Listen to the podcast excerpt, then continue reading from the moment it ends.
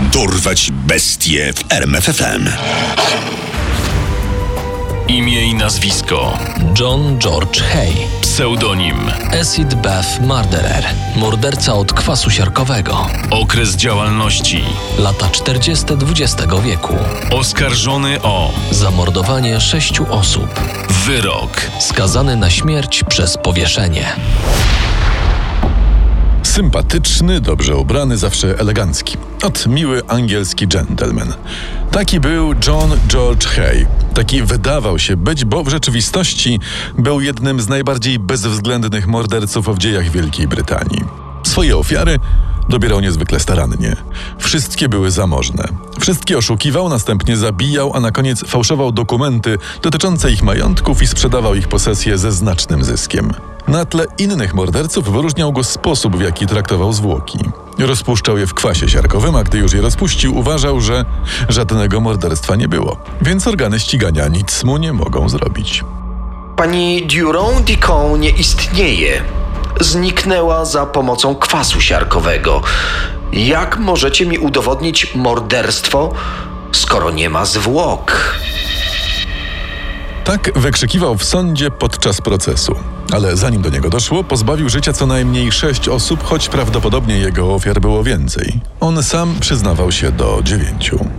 John George Hay urodził się w 1909 roku w Stamford, a dorastał w sąsiedniej wiosce Outwood.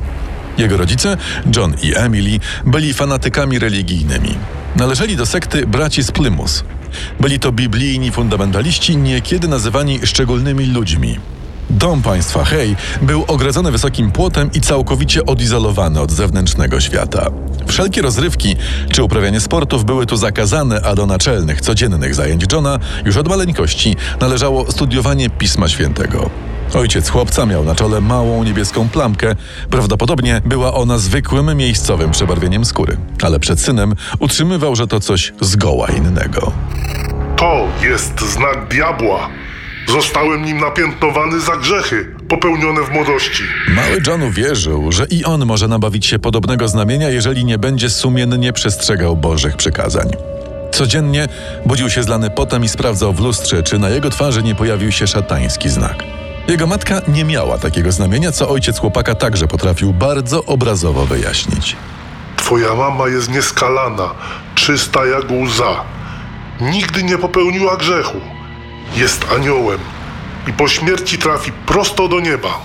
Ojciec wpoił Johnowi George'owi, że świat jest zły i niebezpieczny, dlatego trzeba trzymać się od niego z daleka.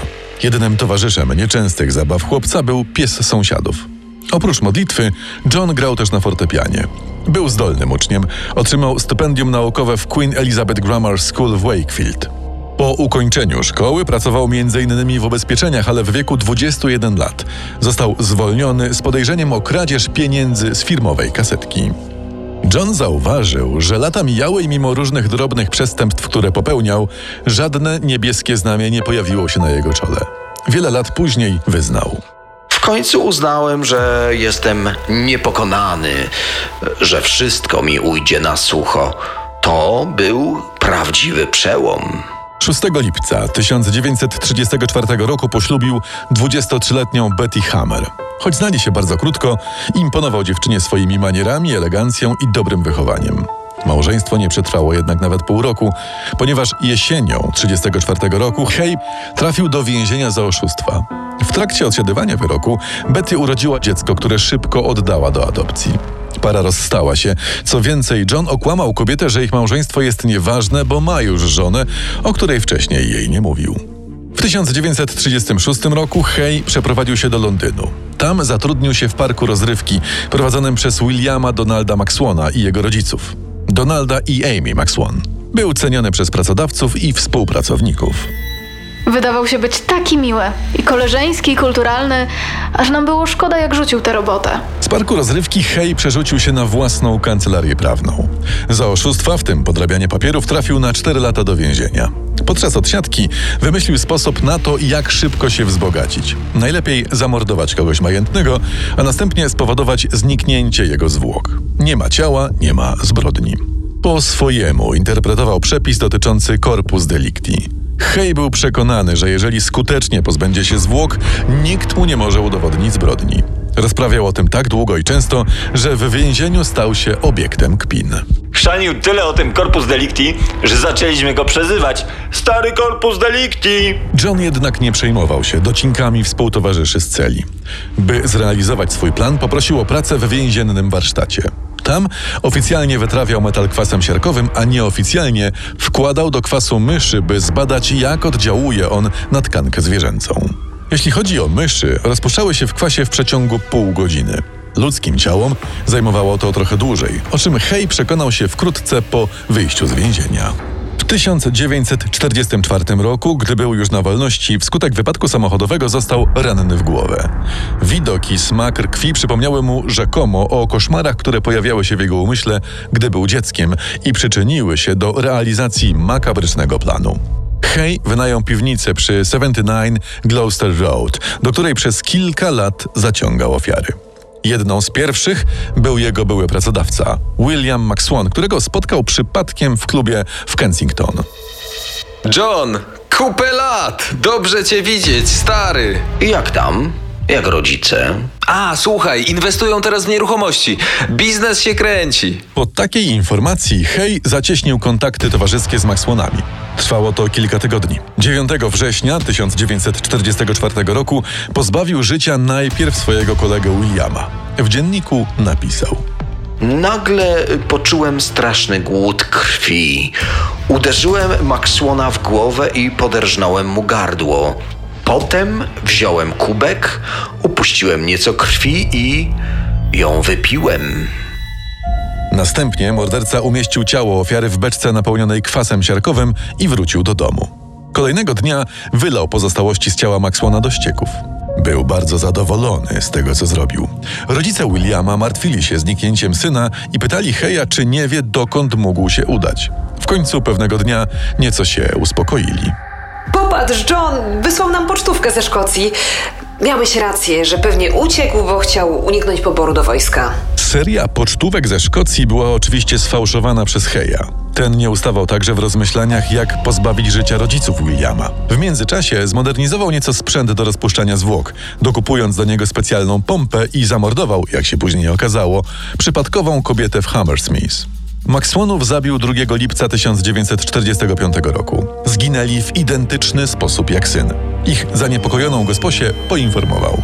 Spokojnie, wyjechali do Ameryki. Prosili, by przekazywano mi całą korespondencję.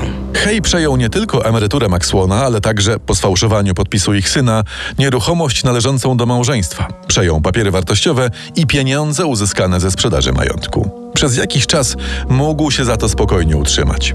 Gdy pieniądze powoli się kończyły, wrócił do starych praktyk. Zamordował m.in. młodego mężczyznę z Kensington, a także 52-letniego doktora Archibalda Hendersona i jego żonę Rose.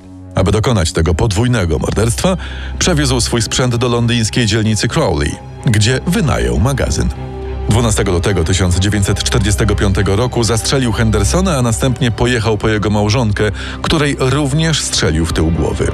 Zwłoki rozpuścił w kwasie. Tym razem nie przyłożył się jednak zbytnio do roboty, bo mimo, że kwas nie rozpuścił stopy Hendersona, Hej wylał zawartość beczek na podwórze. Przed rodziną swoich ofiar utrzymywał, że oboje żyją i mają się dobrze. Znów udało mu się sprzedać nieruchomość i zagarnąć pieniądze. W pewnym momencie jednak brat Rose, Borlin, nabrał podejrzeń i chciał iść na policję. Ale Hej przekonał go, by tego nie robił. Oboje będą mieć kłopoty. Wiem, że Archibald dokonał nielegalnej aborcji i musieli wyemigrować do Afryki Południowej. Na twoim miejscu nie informowałbym władz. Ostatnią ofiarą Johna George'a Heya była Olive Durand Deacon, bogata wdowa, którą poznał w londyńskim hotelu. Polubiła miłego mężczyznę i postanowiła podzielić się z nim pomysłem na nowy interes. A co pan myśli o sprzedawaniu modnym kobietom sztucznych paznokci? Hej był oczywiście zachwycony tym biznesplanem. Co więcej, zdradził kobiecie, że ma pewien warsztat, a w nim materiały, które mogą jej pomóc w wyrabianiu takich paznokci. Na miejscu strzelił Oliw w głowę, zabrał jej kosztowności, a ciało rozpuścił w beczce z kwasem. Jednak tym razem morderczy plan nie do końca się powiódł. Znajomi wdowy rozpoczęli szeroko zakrojone poszukiwania. Policja w końcu wpadła na ślad warsztatu Johna. Znalazła w nim rewolwer kaliber 38, z którego niedawno strzelano, a także ponad 200 kg mazi. Część z niej okazała się ludzkim tłuszczem. W mazi pływał także kawałek czerwonej torebki i etui po szmince, które należały do Olive Durand Deacon. Hay szybko przyznał się do winy. Linię obrony oparł na niepoczytalności. W swojej przebiegłości wiedział, że opłaca się udawać psychicznie chorego, by uniknąć kary śmierci. By uwiarygodnić swoje zwichrowanie, pił nawet własny mocz. W sądzie roztaczał wizję koszmarów rzekomo prześladujących go od dzieciństwa. To dzikie, krwawe demony kazały mi zabijać i pić krew. Ale nikt nie dał wiary notorycznemu kłamcy, który zabijał przede wszystkim po to, by się wzbogacić. W konsekwencji popełnionych zbrodni John George Hay został skazany na śmierć przez powieszenie. Wyrok wykonano 10 sierpnia 1949 roku. Morderca przekazał w spadku swoje ubranie gabinetowi figur woskowych Madame Tissot. Trafiło ono do tzw. Izby Okropności. Tam sporządzono woskową figurę mordercy od kwasu siarkowego. Zgodnie z jego życzeniem zadbano o to, by ubranie figury było zawsze czyste i wyprasowane oraz by nie burzono idealnego przedziałka na jej głowie. Poznaj sekrety największych zbrodniarzy świata. Dorwać bestie w RMFFM.